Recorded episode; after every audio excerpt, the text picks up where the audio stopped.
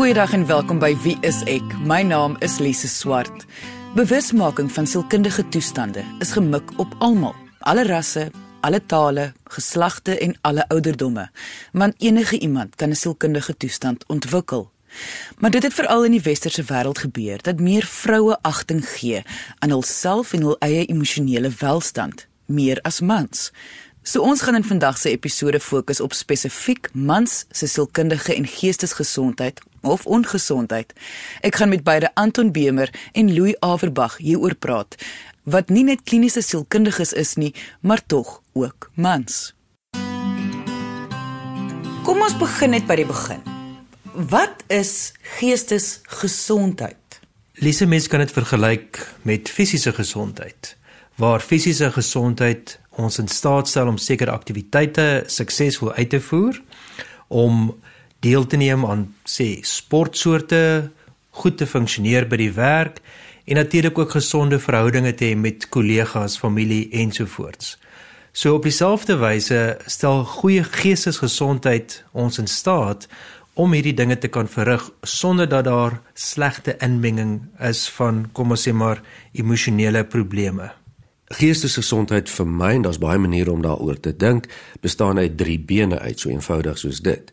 Hoe mens dink, hoe jy optree en hoe jy voel, met ander woorde jou emosies of jou gevoelslewe. En daarvoor het jy ten minste twee van hulle nodig om in 'n goeie toestand te wees sodat jy soos 'n driebeenpot nie omval nie. 'n uh, Mens het dus nodig om te kyk dat jou gedagtes, hoe jy dink, jou gedrag en min of meer hoe jy voel, hoe jou emosielewe is, voel jy daarom opgeruimder genoeg om die lewe aan te pak. En dit is omtrent die drie dele waaruit geestesgesondheid sal bestaan op 'n baie eenvoudige vlak. Maar hoekom is dit nodig om mans uit te sonder of te skei van vroue se geestesgesondheid of terwyl dan nou ongesondheid? Al is ons op die oomblik in die jaar 2018, is daar nog steeds sekere tradisionele rolle wat relevant is. Ons word baie keer as mans grootgemaak dat um, ons die broodwinner moet wees. Ons moet suksesvol wees in wat ons doen. En natuurlik ook dat daardie ou idee van hunter-gatherer nog geld. So indien ons dit nie reg kry nie of jy jou werk verloor, dan is daar baie keer die ervaring van dat jy nie as persoon alleen misluk nie, maar jy misluk ook nou in hierdie ander rolle.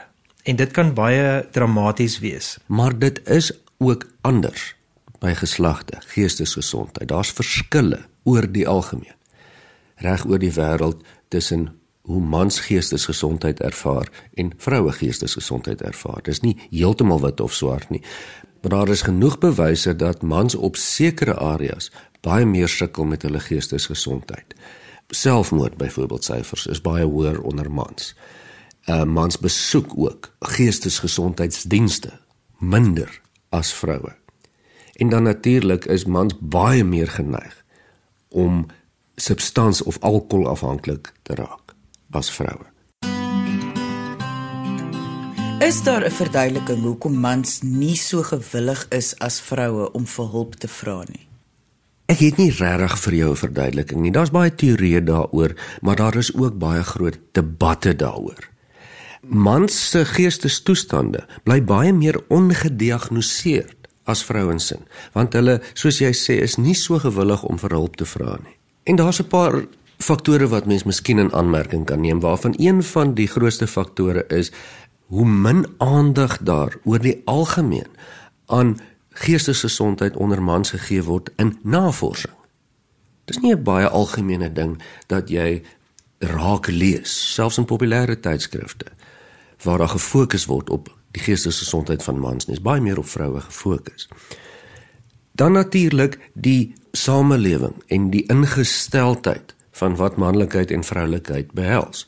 Soveel as wat daar 'n verandering in ingesteldheid reg oor die wêreld is, soveel nog word dit deur mans ervaar dat hulle moet sterk wees. Dit is met ander woorde vir baie mans 'n vernedering of 'n skaamte as daar met hulle iets geestesgesondheidsverkeerd is. En dit kan mens sien in die navorsing. Mans het geen probleem om 'n dokter te besoek as hulle 'n maagpyn of 'n kopseer of 'n beenbreuk het nie.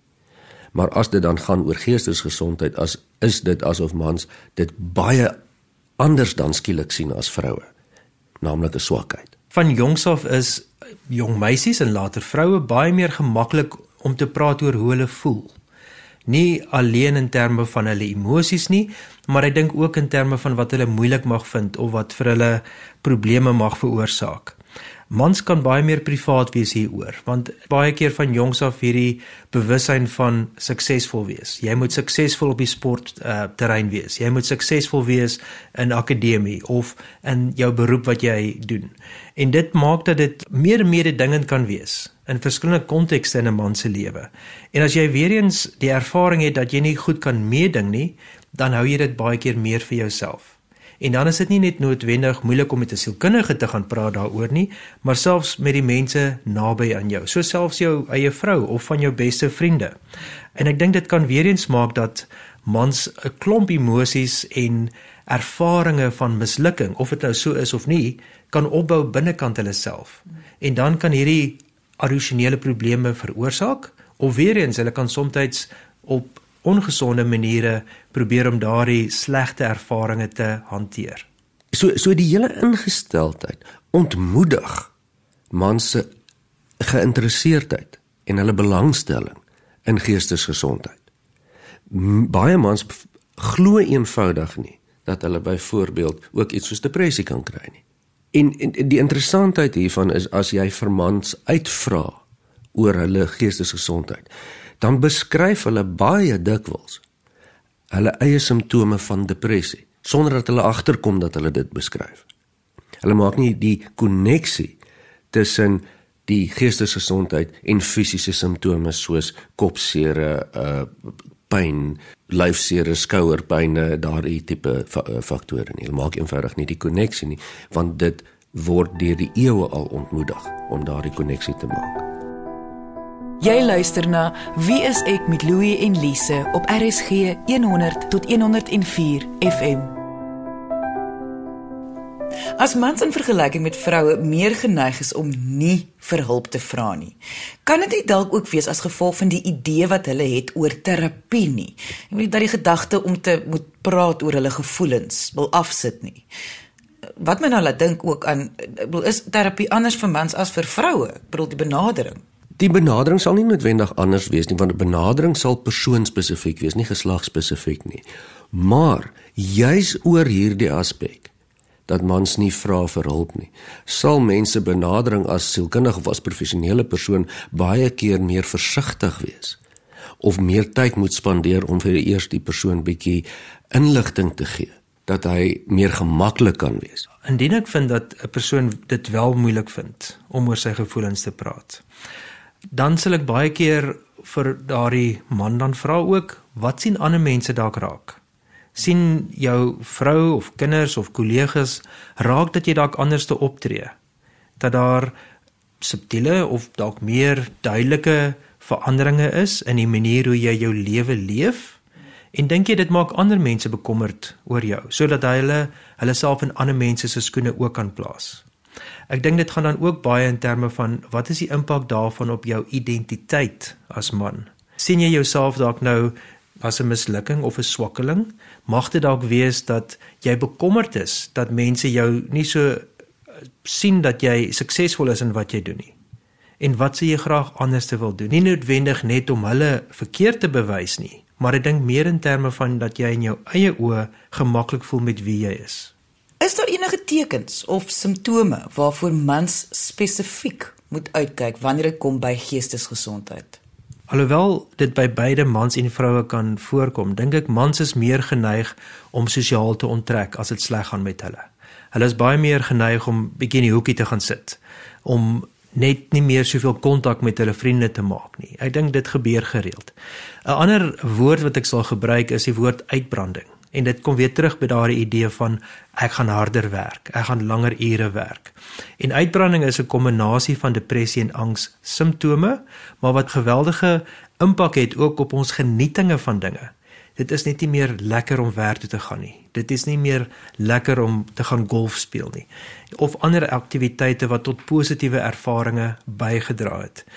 Dit is ongelukkig ook so dat mans meer geneig mag wees om selfs gedagtes aan selfdood of selfmoord te kry.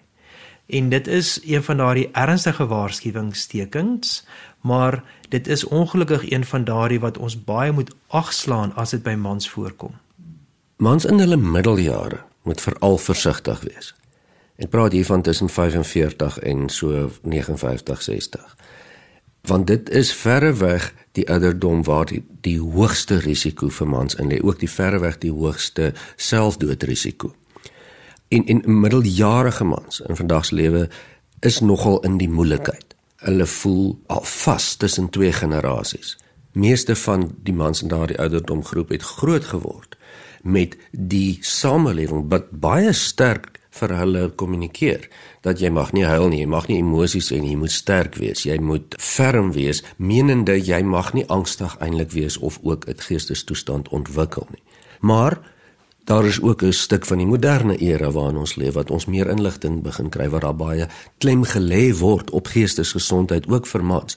Die samelewing raak meer bewus, raak meer ingelig en daar is baie kommunikasie nou na mans toe wat sê nee, weet jy wat, jy's ook 'n mens jy kan net soos wat jy jou been kan breek, kan jy ook 'n angstoestand ontwikkel soos enige normale mens.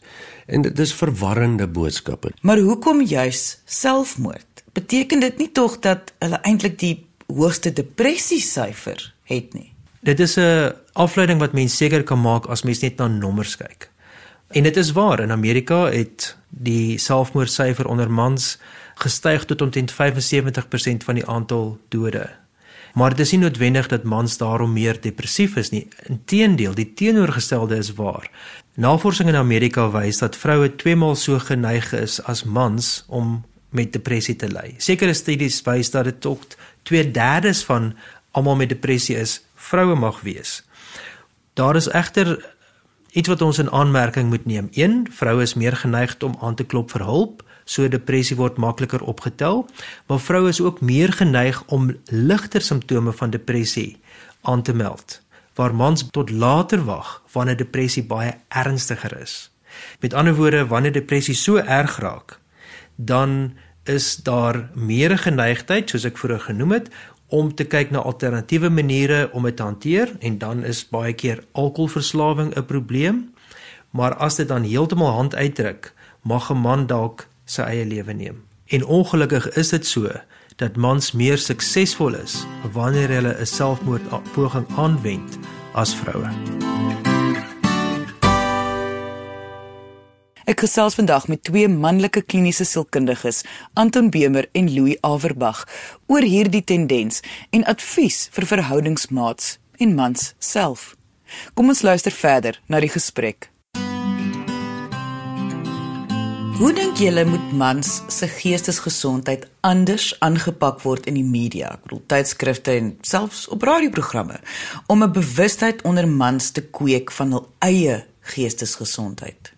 Dis 'n baie goeie punt wat jy aan aanraak en dit is hoogtyd dat dit so gebeur dat mans se geestesgesondheid ook in die sosiale media aangespreek word as 'n aparte probleemsituasie. Nie uitsluitlik nie, maar soos daar op baie areas van vroue geestesgesondheid gefokus word, moet daar ook op hierdie areas van mans se geestesgesondheid gefokus word en dit gebeur nie naaste by genoeg nie.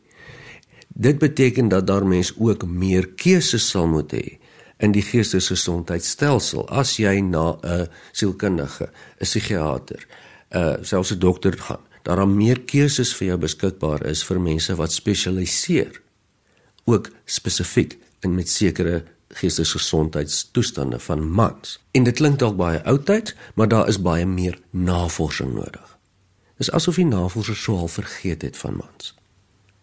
En ons sien nou 'n geslag mans wat so min of meer in hulle middeljare of bietjie ouer is wat so half oorgeslaan word omdat hulle so bevoorreg was in die verlede en ons verloor dus uit op die navorsing daarvan vir die toekomstige geslag se mans. Ek dink die die media moet mans nie altyd probeer uitbeeld as die helde nie. Wat moet invlieg 'n situasie red en weer uitstap nie. Weet ons is nie die cowboys van ouds nie. Ek dink dit is belangrik want ons in Suid-Afrika hou baie van sport, al doen ons sportspanne nie altyd so goed nie, maar baie keer is dit die sporthelde wat op die televisie verskyn. Ek dink die media het 'n verantwoordelikheid om ons ook in ander rolle uit te beeld, waar ons net as paas vir ons kinders uitgebeeld word, waar ons ook ons eie ouers ondersteun. En ek dink dit is soms 'n uh, area wat afgeskeep word om ook te wys hoe mans by hulle paas moet staan as 'n pa deur 'n siekte tydperk gaan waar hulle by hulle ouers staan as daar miskien 'n probleem soos Alzheimer voorkom. En ek dink daardie meer ondersteunende rolle van mans moet duidelik meer aandag geniet.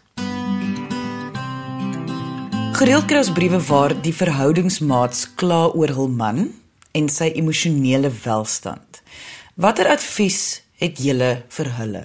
Ehm um, dis moeilik om net 'n simplistiese antwoord te gee want dit hang af in terme van wat die bekommernis is weet is die man dalk baie depressief, is hy angstig of druk hy dalk net sy emosies op 'n ander manier uit as wat uh die spesifieke skrywer wil hê. Hmm. Ek dink mense moet mense met begrip hê vir daardie verskille. En as ek uh werk met mense, weet dan kom ek raak ek baie bewus daarvan dat mans baie keer meer hulle emosies uitdruk met hulle hande. Met ander woorde wat hulle doen wat hulle doen vir hulle gesin, vir hulle kinders, vir hulle vriende. En dis nie noodwendig dat hulle altyd dit in woorde omsit nie. So ek dink daardie begrip is belangrik. Ek dink daarmee te same ook is dat die positiewe dinge wat daar wel gebeur om waardering daarvoor te sê. Weet dankie dat dat jy my gehelp het hiermee. Of ek waardeer dit dat jy vandag die die kinders rondgery het. Wat ook al die geval mag wees, maar om die positiewe dinge raak te sien en waardering daaroor uit te spreek. Kyk, dis 'n bekende prentjie hierdie. Mens sien amper daar's 'n klise beeld van die vrou wat kla dat haar man nie aan homself wil aandag gee nie. Hy drink te veel of hy werk te hard of wat dit ook al mag wees en sy sien sy geestesgesondheid. Dis nou 'n bietjie van 'n uh, seksistiese klise, maar maar net vir die voorbeeld daarvan. En, en as jy dan vra wat se advies het ek vir hulle? Dink ek moet mens nou eers gaan en kyk watter advies het mens vir die persoon wat kla oor die verhoudingsmaat. Hmm. En daar moet ons onthou dat elke mens se geestesgesondheid of gesondheid is sy of haar eie verantwoordelikheid as jy regtig moet gaan en of dit jou man of jou vrou of vriend of vriendin of wie dit ook al is en hulle jaar in en jaar uit moet smeek om na hulle self te kyk dan moet jy jouself ook baie mooi die vraag gaan vra wat jou rol is en hoekom jy in daardie verhouding is. Hoe dit dan so geword dat jy die verantwoordelikheid daarvoor moet dra. As daar dan nog steeds bekommernisse is dink ek dis ook belangrik om nie oorboord te gaan daarmee nie. Dat jou man nie noodwendig voel hy word nou in 'n hoek gedruk om iemand te gaan sien nie. Jy luister na Wie is ek met Louie en Lise op RSG 100 tot 104 FM. Julle is albei mans, opgelei in menslike gedrag en sielkunde, so en julle is in julle middeljare, so sou julle 'n sielkundige gaan sien het indien dinge nie meer vir julle reg voel nie. En hoekom sou jy? Ek was al van tevore in terapie gewees en ek sal verseker weer gaan indien daar iets in my eie lewe is wat ek voel vir my probleme gee. Maar ek dink dit gaan nie net vir my oor individuele terapie nie. Ek dink ek sal ook vir terapie gaan as daar in my huwelik probleme is of selfs in my gesin, as my kinders sekere probleme ervaar. En 'n sielkundige sal graag vir my of my vrou of beide van ons ook wil betrek daarbey. So ek dink vir my is dit geweldig belangrik om te dink aan my eie emosionele welsyn, maar ook die welsyn van die mense rondom my wat naby my hart lê. Vir vir vir my wat 'n sielkundige is, is dit 'n bekende area. So ek het nie die uh, stigma aan geestesgesondheid wat miskien ander mense daarin het nie. Vir my is dit so eenvoudig soos as 'n motorkar 'n probleem het, gaan ek na die werktuigkundige toe want hy of sy sal weet hoe om dit reg te maak. En, en dis nie dat ek slimmer is nie, ek is nou in die veld, so ek moet die inligting hê wat ek het. Maar die inligting bring my dan ook tot die duidelike besef eh, dat my geestesgesondheid het het nie veel te doen met is ek of ek 'n man of 'n vrou of en uh, is en of dit met te doen het met trots of enigiets anders nie dis bloot 'n funksie van my lewe soos wat my fisiese gesondheid is. Maar hoekom voel julle nie dat dit julle manlikheid aanraak nie? Bloot omdat ek weet dat sielkundige toestande is iets wat met enige mens gebeur, net soos wat enige mediese toestand is. Ek het nie altyd beheer daaroor nie. Dit het ook nie altyd te doen met iets wat ek reg doen of verkeerd doen of sterk is of nie sterk is nie. Dit is maar hoe die lewe is. My manlikheid word nie net deur my emosionele ervarings bepaal nie. Dit is ook my persepsie van myself. Hoe ek myself sien as persoon, as individu, maar ook as man vir my vrou, as pa vir my kinders, as Ek wil myself nie atleet noem nie want ek dink nie ek is nie, maar iemand wat hou van sport. So al daardie verskillende areas in my lewe beïnvloed my siening van myself en natuurlik my konklusie oor my identiteit oor wie ek is. En as mens mooi daaraan gedink wat beteken manlikheid dan? Beteken dit dan nie juis om ingelig te wees en om die regte ding te doen op die regte tyd terwyl hulle van jou dan ook in jou gesin nie? Laaste gedagtes. Wat is julle advies vir mans aangaande hul emosionele welstand? As jy 'n emosionele of 'n geestesprobleem het, jy weet mos eintlik genoeg. Jy ken mos jou eie lyf ook. Jy weet as jy 'n skeet of 'n ding het. Jy's so lam jy kan nie opstaan in die oggend nie of jou maag trek heeldag saam, jy's gespanne. Dit gaan nie weggaan nie. As jou enkel gebreek is en jy loop heeldag op hom, gaan hy nie herstel nie probeer om dit op dieselfde manier te sien sodat jy kan proaktief optree dat jy nie in die moeilikheid kom nie. Eventueel lê jy dan in die hospitaal of in die kliniek en jou gesin is ook in 'n toestand. So dit is vir jou om bewus te wees. Wees gemaklik met jouself. Doen waarin jy goed is en geniet dit. Geniet die sukses wat jy behaal. Maar wees ook gemaklik met die dinge waarmee jy nie goed is nie. As jy nou die agteros in die kraal is met sekere aktiwiteite dan is dit oukei. Okay. Jy's net menslik soos die res van ons. Jy hoef nie verskoning te maak daaroor nie. Dit is net dat ons nie alles mee goed kan wees nie. Ek dink vir my is dit baie keer daardie tipe dinge wat ons probeer wegsteek of ons probeer oordadig onsself bewys op 'n ander terrein omdat ons dalk minder selfvertroue met iets het. Maar weet net ons almal het ons swakpunte, ons almal het ons sterkpunte en dis oukei. Okay. Indien jy enige vrae het oor vandag se onderwerp of meer wil weet oor Louie of Anton, kan jy gaan na ons webwerf wieisek.co.za of kom gesels saam op ons Facebookblad onder wieiseksa. Dankie dat jy vandag ingeskakel het. Jy moet 'n heerlike naweek hê he, en onthou, kyk mooi na jouself.